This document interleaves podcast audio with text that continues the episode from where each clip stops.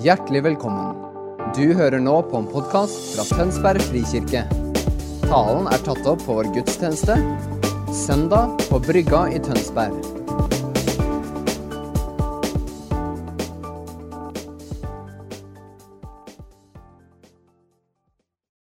Først av alt vil jeg bare si takk at eh, Takk til Morten som inviterte meg, og lederteamet.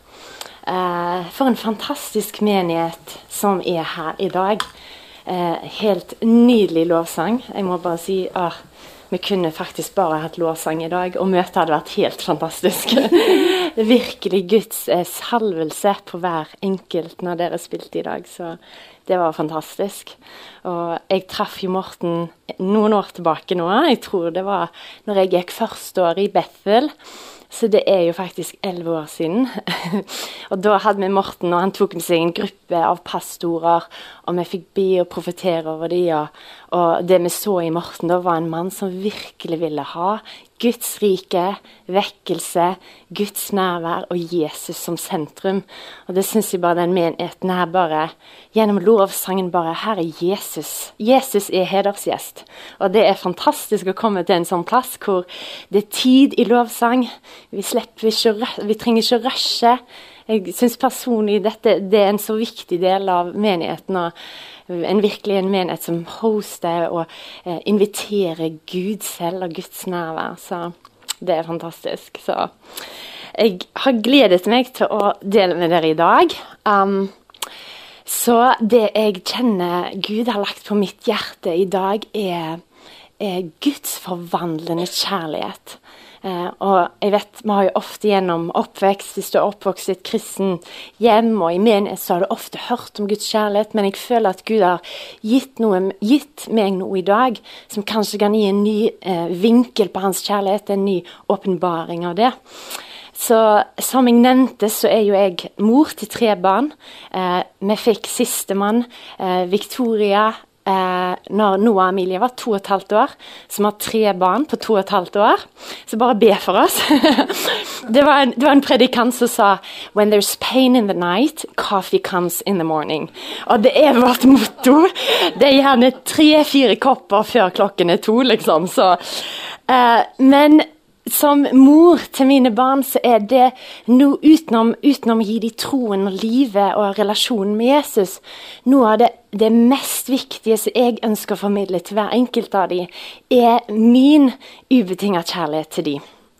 For den kjærligheten den gir en grunnvoll og en basis for eh, tryggheten i livet deres, deres selvtillit når de vokser opp, eh, frimodighet, utforskningstrang.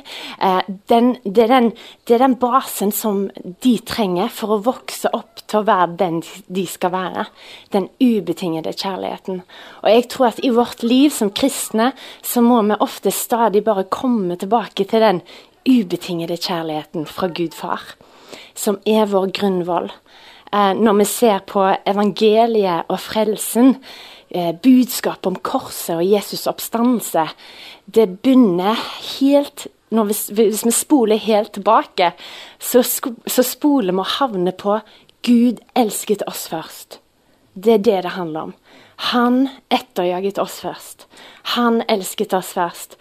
Um, og jeg hadde en, en tid i mitt liv uh, Jeg var jo oppvokst i et kristent hjem og hadde hørt masse bibelvers, vokst opp i menighet.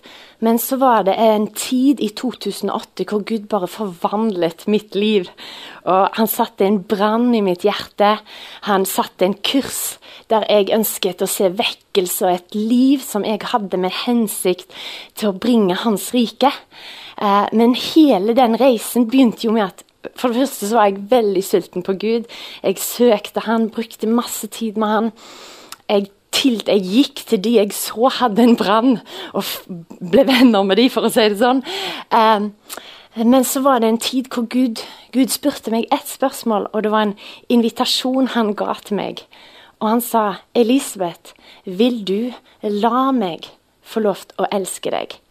Og jeg husker jeg bare ropte ut Ja, Gud, jeg vil la deg få lov til å elske meg.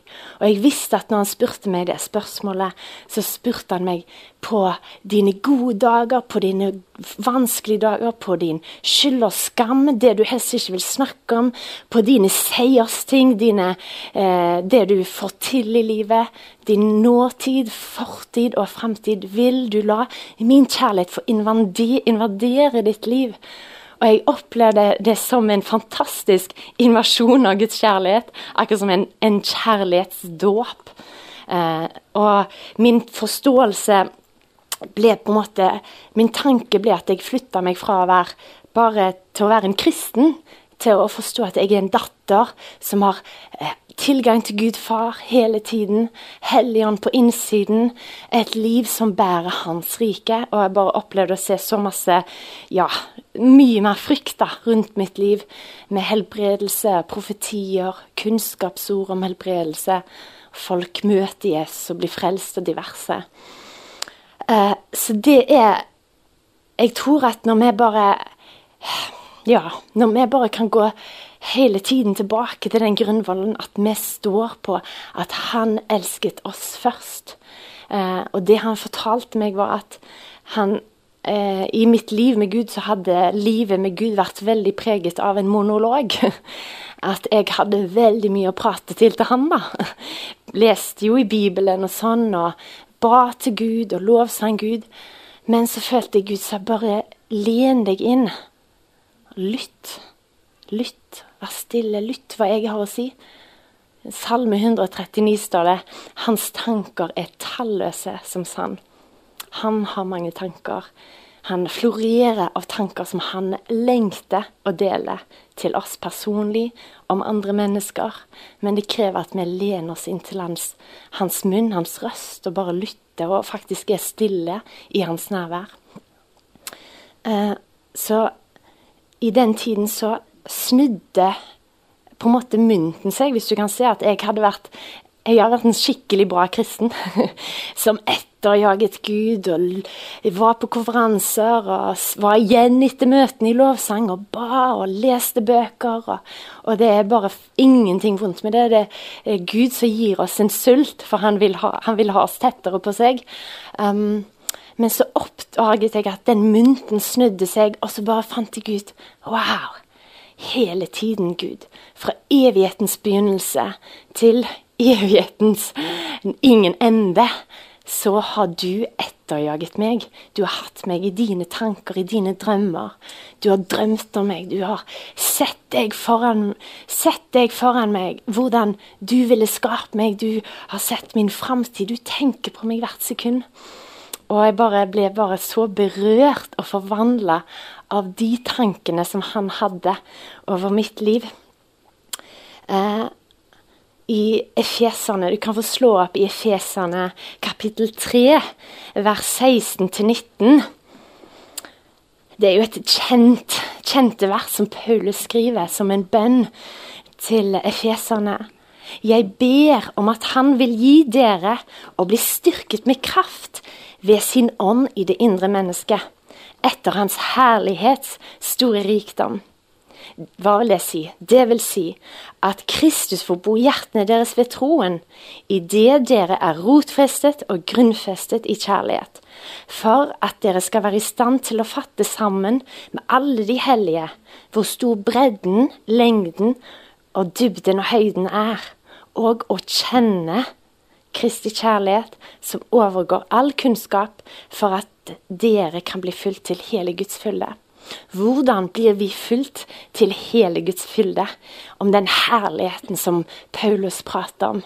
Jo, det, det ordet om at dere må kjenne Kristi kjærlighet, det er det greske ordet 'gnosko', som betyr å kjenne med en personlig erfaring. Det, det handler om å ha en opplevelse, ikke bare en tanke, men en personlig erfaring. Når vi får en personlig erfaring, da begynner vi å bli fylt av Når vi får en personlig erfaring av Gud og Hans rike kjærlighet, som overgår all kunnskap, har ingen høyde, dybde, lengde og bredde. når vi får en kjennskap til den erfaring av den, da begynner vi å bli fylt med hele Guds fylde og Hans herlighet i oss. Og da tror jeg vi vil se Hans herlighet begynne å utøses fra våre liv i en grad vi bare kan drømme om. Eh, jeg har eh, En del år tilbake så eh, dro jeg på en uh, tjenestetur til Mosambik. Og var med i basen til Heidi Baker til Iris Ministry i Pemba, Mosambik. Uh, og så hadde jeg så lyst til å dra på det de kaller for Bush Bush Outreach. uh, og muligheten bød seg, og jeg følte skikkelig glede og fred for det. Og jeg hoppet i denne store lastebilen som kjørte oss av gårde til en landsby. Um, og når vi kom fram T-skjorten min var egentlig helt hvit, men når jeg kom fram, så var den svart. Så du kan tenke deg, det er bare sand Det er veldig skittent. Det er, er Mosambik, men Guds rike får bare utbre seg der. Og vi satte opp en scene på denne traileren. Og så begynte vi å skru på musikk og danse med barna. og Bare bli kjent med menneskene der. Og så danset jeg med en del barn, og så kom det en dame til meg og danste med oss holdt hendene. Og så så jeg at hun hadde noe på øynene sine som var feil. Uh, og så i uh, bønnemøtet før møtet så bare kjente jeg det bare poppa ut fra munnen min uten at jeg tenkte over det. Jeg bare ropte ut 'I dag skal vi få se blinde for syn igjen!' bare bopp! Og så alle bare 'ja!' Var skikkelig med på den og, og hadde tro for det. Uh, og så hadde delt med evangeliet med ja, ba, så begynte vi å be, inviterte folk til frelse, og så ba vi for syke til slutt. Og av 20 stykker på teamet, ca. 200 mennesker i denne landsbyen, så kom det én person til meg med en gang, og det var hun damen. Jeg kjente bare troen økte, og så bare la jeg hendene på henne. Ba i Jesu navn må hun bare få syn igjen. Helbredelse i Jesu navn. Og så åpnet hun, og det var ingen forskjell. Og så ba jeg en gang til i Jesu navn, vær helbredet. Ingen forskjell. Og så la jeg hendene på en, en tredje gang, og så sa jeg i Jesu navn, bare en enkel bønn, de helbredet i Jesu navn. Og jeg må bare si det er noe av det mest vakreste smilet jeg noen gang har sett i mitt liv. Plutselig så kikker hun opp, og så bare Hodet går til alle kanter. Og så bare et svært smil og store øyne. Og så sier hun en setning på makua. Og så spør jeg jo han som oversetter, hva sier hun? Og så sier han hun sier 'Jeg kan se stjernene'. Jeg kan se stjernene. Og så står hun du, Det var bare et mirakel og så fantastisk. Og jeg kjente jeg ble så beveget og bare Wow, Gud, du har helbredet henne. Hun fikk se igjen. Hun, jeg vet ikke om hun hadde et forstyrret syn, men jeg visste at hun var fått et klart syn igjen. Det vet jeg. Um, eller om hun var helt blind, det vet jeg ikke. Men hun fikk et klart syn. Men så var det jeg har alltid tenkt at å, hvis jeg ser en lam fra en rullestol kanskje få gå igjen, eller en blind få syn igjen, så har jeg alltid tenkt at det bare fyller livet mitt helt, og bare livet mitt, livet mitt blir helt forvandlet. Men det var ikke det som skjedde. Jeg ble ekstremt begeistra og fantastisk takknemlig og så glad for at hun ble frisk. Uh, men jeg tok et skritt tilbake og bare sto der i mørket med, med Gud under stjernene. Så sa jeg, Gud, Hvorfor fylte ikke dette meg mer opp? Hvorfor forandret det meg ikke mer, på en måte? Og så sa Gud til meg, Elisabeth, det er møtene du har med meg, som forandrer deg. De møtene der jeg får se hans ansikt. Og det er klart, når vi ser helbredelse, så kan vi bare løfte opp blikket og bare si Gud, du er Jehovah Jaira, vår helbreder. Jehovah Jaffa, vår helbreder. Det er din natur. Um, så, så, det møtene vi har med Han gjennom bibellesning, gjennom lovsang, gjennom at vi oppdager det Han oppdager Han i vår hverdag, det forvandler våre liv. Sannhetene som Han gir oss. Ja, jeg var på ungene våre har jo begynt i barnehage. Vi har hatt de hjemme til nå, så de har akkurat begynt i barnehage. Så jeg måtte dessverre på legekontoret en dag, for jeg hadde litt sår hals. Som kanskje en del foreldre merker nå når høsten begynner. Mens på, på um, dataskjermen på legekontoret der var det en sånn reklame for mest, en av de mest solgte tablettene som kjøpes nå. Det er en tablett som Det er en tablett som um, hindrer indre uro. Som stilner den uroen som mennesker har. Så tar de en tablett, så får de en ro på innsiden av seg. Det står i Sefania 317 um, i sin kjærlighet vil han gi dere hvile. Jeg syns det sies enda bedre på engelsk. He will quiet you with his love. Han vil stilne den indre uroen med sin kjærlighet. Så ja. Vi kjenner også veldig eh, Sikkert de fleste av oss kjenner ordet som står i Johannes 3, 16. For så høyt har Gud elsket verden, at han gav sin sønn, den eneste, for at hver den som tror på ham, ikke skal gå fortapt, men ha evig liv. Ordet agape. Han elsket. Han agapet elsket verden, deg og meg. Det ordet betyr en betingelsesløs kjærlighet. En, en, en uslåelig velvilje. Gud, han har en uslåelig velvilje for ditt liv. Han har en godvilje. Når han ser på deg, så har han en godvilje som alltid, alltid vil søke ditt beste. Det er en selvoppofrende kjærlighet som gir frivillig uten å be om noen, noe tilbake. Det er ikke en kjærlighet basert på en følelse, men det er en kjærlighet som er knyttet til en sterk vilje og et valg. Virkelig, vi trenger den kjærligheten i denne dag, hvor det er forvirring. Ting baseres på følelser.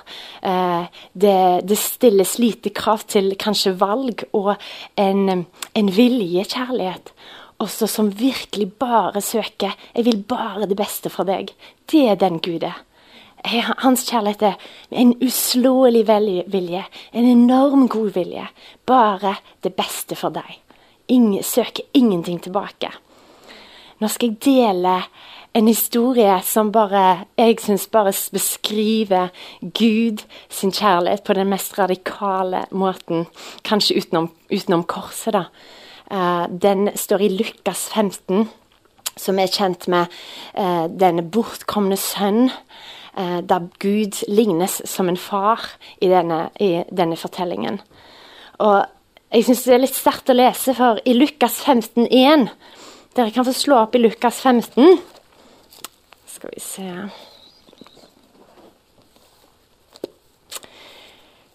I Lukas 15,1 det begynner, Dette er konteksten av hele alle lignelsene som Jesus begynner å fortelle. Alle tollere og syndere holdt seg nær Jesus for å høre om ham. Jeg bare synes det, Der kan vi bare stoppe opp. Åh, en toller, en synder, har all grunn til å holde seg langt vekke fra Jesus.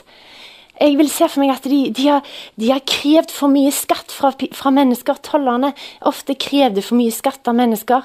De tok gjerne penger i sin egen lomme syndere som ikke levde hellig eh, etter forskriftene, de valgte å holde seg nær til Jesus. Og det bare sier så mye om hvem den sanne personen Jesus er. De valgte å holde seg nær til Jesus. Der skammen, skylden og synden bare prellet av. De valgte å komme nær. Det var ingen fordømmelse i Jesus.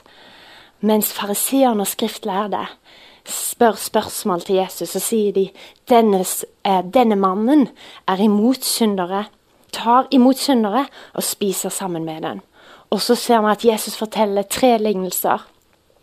Lignelse om den tapte mynten, eh, den, bortkomne, den bortkomne sønn, Unnskyld, den bortkomne sauen, den tapte mynten, og så stopper han med et klimaks og forteller om den bortkomne sønnen.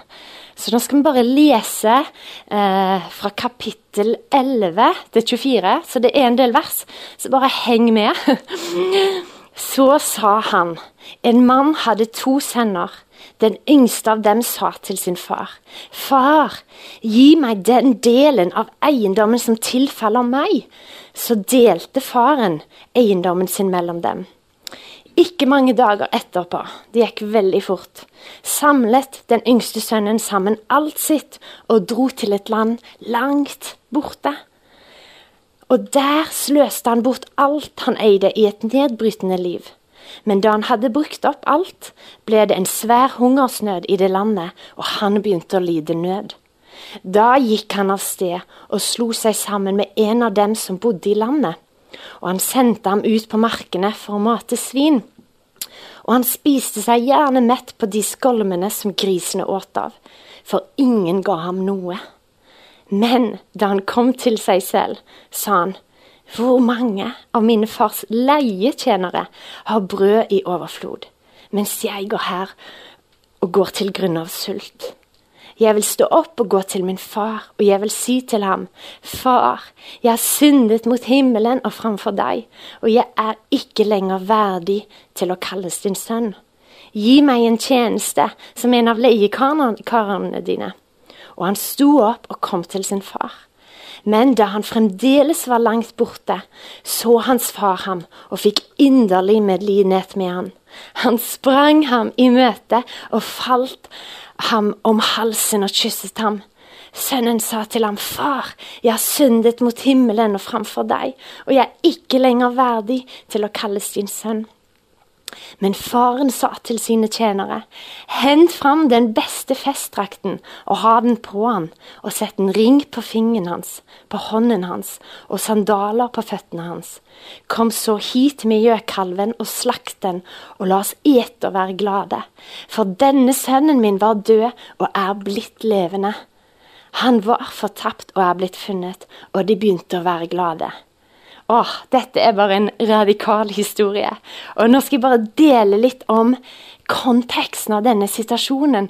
For jeg har alltid tenkt at å, det er så vakkert at faren kommer løpende. Han har nok speidet etter han hver dag, og han bare lengstet etter å se sønnen. Og det gjorde han. Men det er så mye mer i denne fortellingen. For det første så så har du en far som elsker sin, sine sønner så my mye at han bryter flere ganger med tradisjonene på den tiden. Her har du en sønn som sier, 'Far, mens du er i live, så vil jeg bare ha pengene dine.' En far i den tiden skulle aldri gi arven sin før han selv var død. Det var tradisjon. Og så kommer sønnen og sier 'Jeg vil bare ha pengene dine. Jeg vil helst ikke ha noe med deg å gjøre. Kan jeg få arven min?' Så tildeler faren arven sin til sønnen. Må tro om det må skape smerte i hans fars hjerte.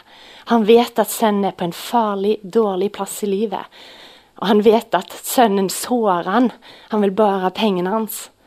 Men allikevel så bare bryter faren tradisjonen og gir han hans arv. Ikke mange dager etterpå, så sønnen var klar for å komme seg av gårde, så drar sønnen ikke til et naboland, men til et land langt borte.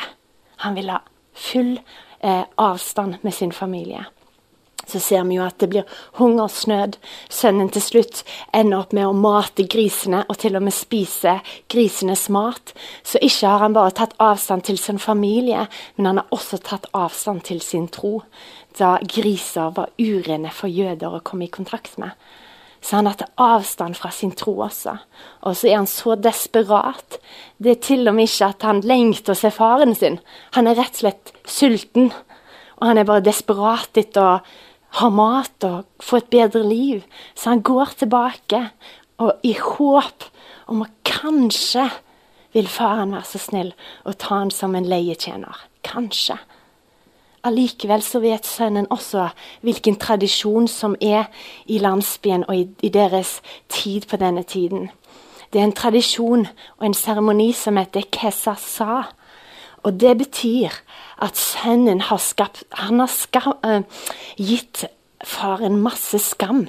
Helt åpenlyst for hele landsbyen. Uh, og i denne tiden så hadde, hadde uh, landsbyen en rett til å gjøre en seremoni når sønnen kom tilbake til landsbyen. Fordi han hadde brakt skam på sin far og på sin landsby. Som den heter Kesasa. Og Det betyr at de ville kommet til grensen av landsbyen, sett sønnen komme gående. de ville bære med seg svære potter av leire og knuselige potter. Og så ville de sprunget mot sønnen og kastet disse pottene og leirkarene og pottene mot sønnen mens de ropte eh, Mens de ropte 'Du er nå avskåret fra ditt folk'. Full avvisning. De ville kastet disse pottene. Sønnen ville fått smerter. Han hadde fått en enorm indre avvisning, og de ville sagt 'Du er nå avskåret fra ditt folk'. Men så ser vi et så fantastisk eh, budskap i, kapit i verset i verset 20. Men da han fremdeles var langt unna, så faren hans. Hva ser vi at faren gjør? Han springer sønnen i møte.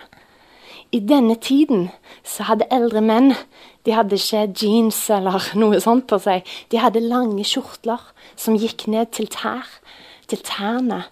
Og for at han måtte kunne løpe for å møte sønnen, så måtte han faktisk løfte opp sin kjortel for å kunne løpe til sin sønn.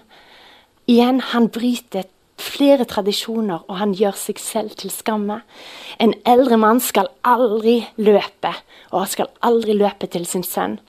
Han skal heller aldri vise bare legger.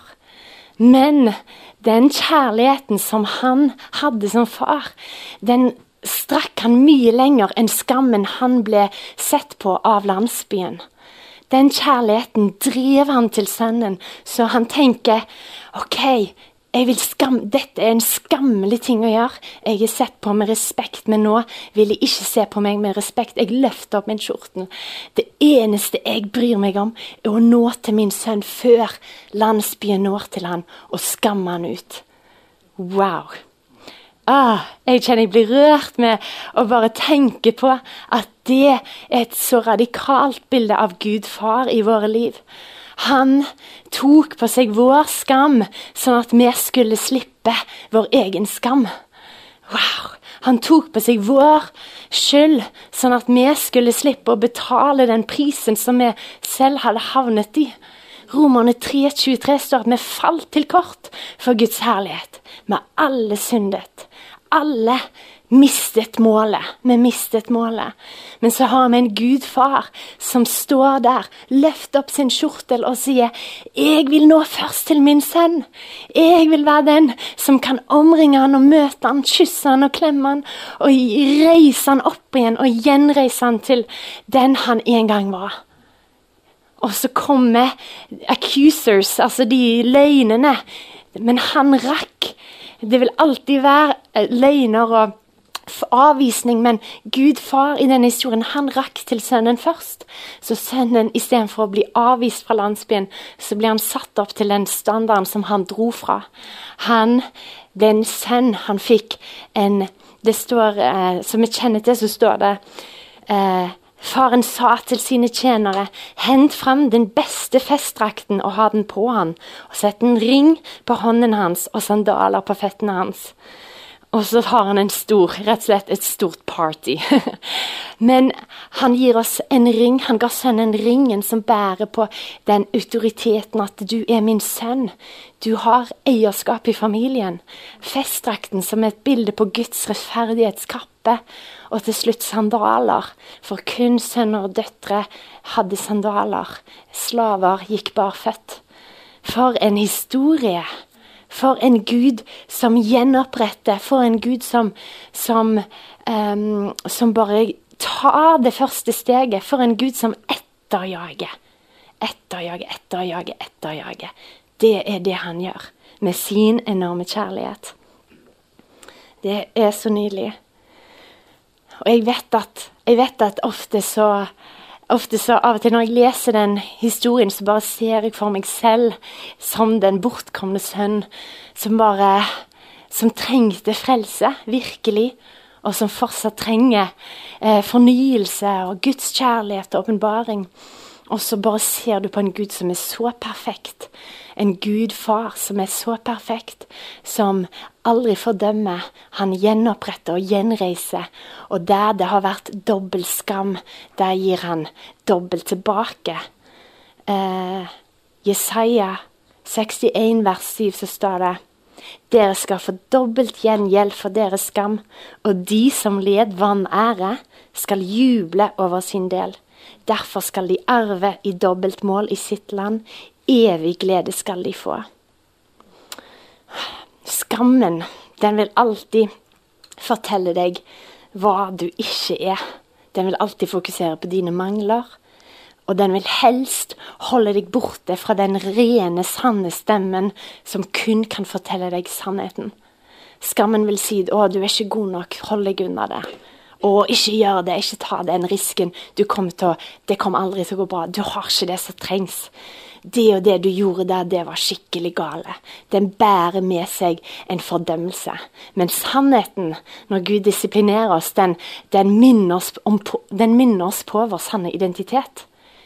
Du, du er en datter. Dette er veien du skal gå på. Den har aldri fordømmelse i seg. Um, og jeg opplevde en periode hvor eh, Nå kan jeg fortelle om et fantastisk mirakel hvor vi, vi har tre barn. Altså under to og et halvt år, så det er jo intenst og rikt og et kaotisk mirakel på så mange måter. Vi er bare så rike og drikker masse kaffe, som jeg sa, og ber om nåde. Men vi gikk mange år, og vi mistet barn etter barn etter barn flere ganger. Og så var vi i denne mirakuløse kulturen hvor vi så bare Gud helbrede. Altså folk som Kreft som forsvant, eh, føtter som vokste ut. Masse indre helbredelse. Bare Gud gjorde så mye. Og vi, vi gikk etter mirakler sjøl i våre egne liv, i våre egne, egne liv for å, for å, bevare barna som Gud ga oss i, i min mage. Men vi mistet flere ganger. Fire ganger mistet vi. Og En av gangene så måtte jeg ha en operasjon og holdt på å miste mitt eget liv, for det var så farlig. Og så kom jeg hjem, og så bare vet, Når du er i en storm, og du bare ah, Du har alle de sterke følelsene. Smerten, skuffelsen og tankene. Du bare, alt er bare helt sånn confusion, altså forvirring. Og jeg bare sa Gud, nå må jeg høre din stemme. Nå må jeg se ditt ansikt. Og så bare begynner jeg å lese Bibelen til jeg kommer til Jakobs brev, vers 1, 17. Oh, nå blir jeg litt rørt. um, der står det All god gave og all fullkommen gave er ovenfra, og den kommer fra lysenes far hos ham er det ingen forandring eller skiftende skygge. Og det var bare Det var Rema-ordet som jeg trengte i denne tiden. Jeg forsto at Gud, hvilken, hvilken, en skygge eller hvilket en lys som, eller hvilken en situasjon som lyser på det, Gud, så er det ingen skiftende skygge. I alle mine ulike situasjoner så er du den samme? Om jeg ser deg fra den siden, om jeg ser, ser deg fra de gode dagene eller de vonde dagene. Du er den du er. Det er ingen forandring i deg. Og det er kun gode gaver fra deg, far. Og så Gud ga meg det ordet, og det var som et rema-ord som bare holdt meg i de årene vi mistet og prøvde og mistet og ventetid og håp og drømmer og alt det innebærer. Ser fram nesten fem år Etterpå så er vi på kvinneklinikken i Bergen, og jeg er supersvær med noe av Emilia i min mage. Og vi har ventet på føderom én i tre døgn, for de har ikke team nok til å sette i gang en tvillingfødsel. Så vi bare venter. Har de nok jordmødre? Har de nok leger? Og så våkner jeg opp den tredje dagen, og så ser jeg på bibelappen. Så klart, hva er dagens ord? Jakobs brev 1,17 en full circle, en rund sirkel av redemption, av helbredelse og gjenopprettelse. Og jeg snur til min mann og jeg sier i dag kommer de. Og ti minutter etterpå så kommer jordmor inn og sier i dag kommer de. Er ikke det stort? Og hvis du kan se det på en annen måte, i amerikansk tid så ble de, Noah av Emilia født eh, 1.1.2020. Normalt, hvis du ser det på datoer til USA, så blir det 17.01.2020. Og når vi hadde ultralyd med de og fikk vite at det var tvillinger, så sa legen til oss uten å vite noen ting, sa han It's payback time for you guys.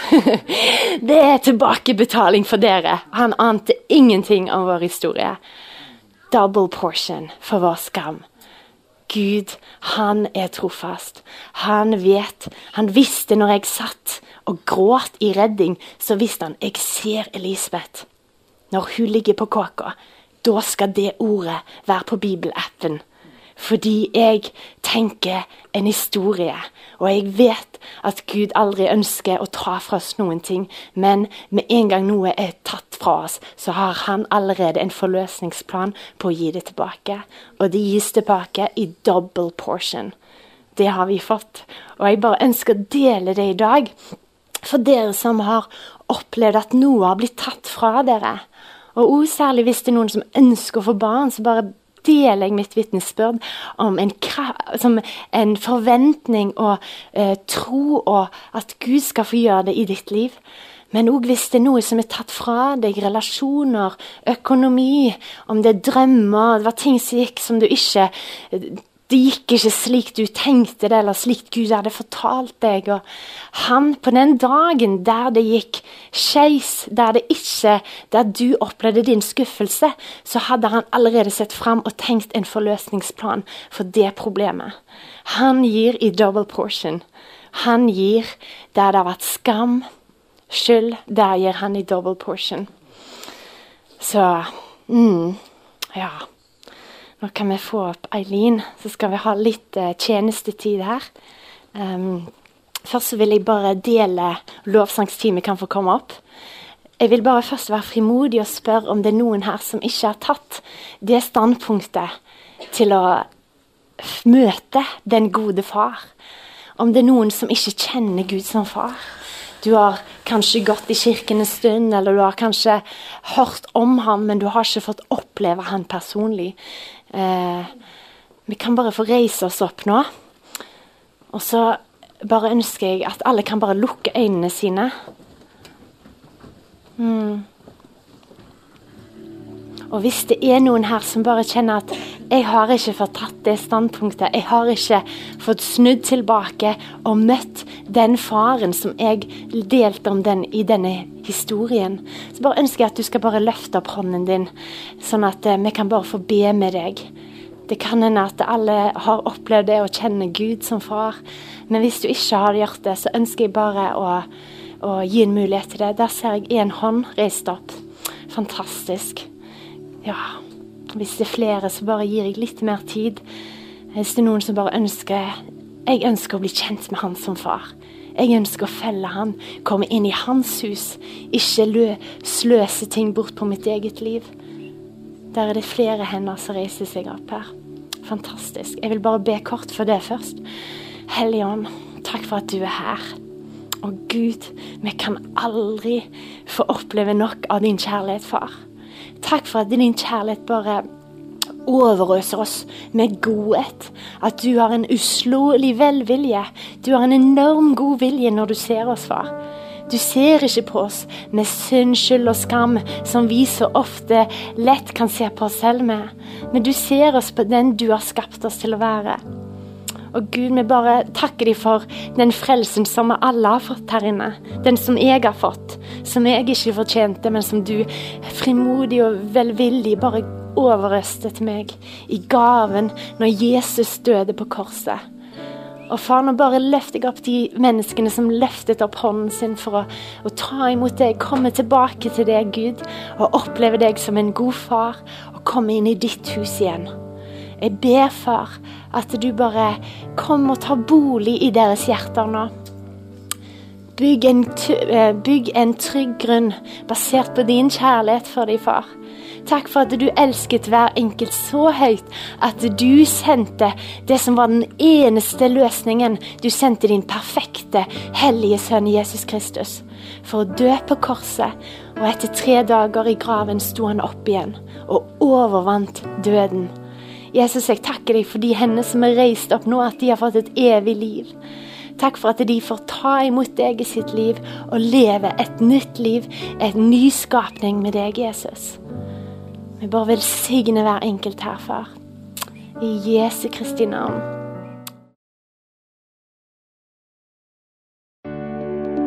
Takk for at du hørte på vår podkast. Har du spørsmål eller ønsker du å vite mer? Besøk oss på vår nettside tonsbergfrikirke.no. Du er også velkommen til kirke på Brygga i Tønsberg.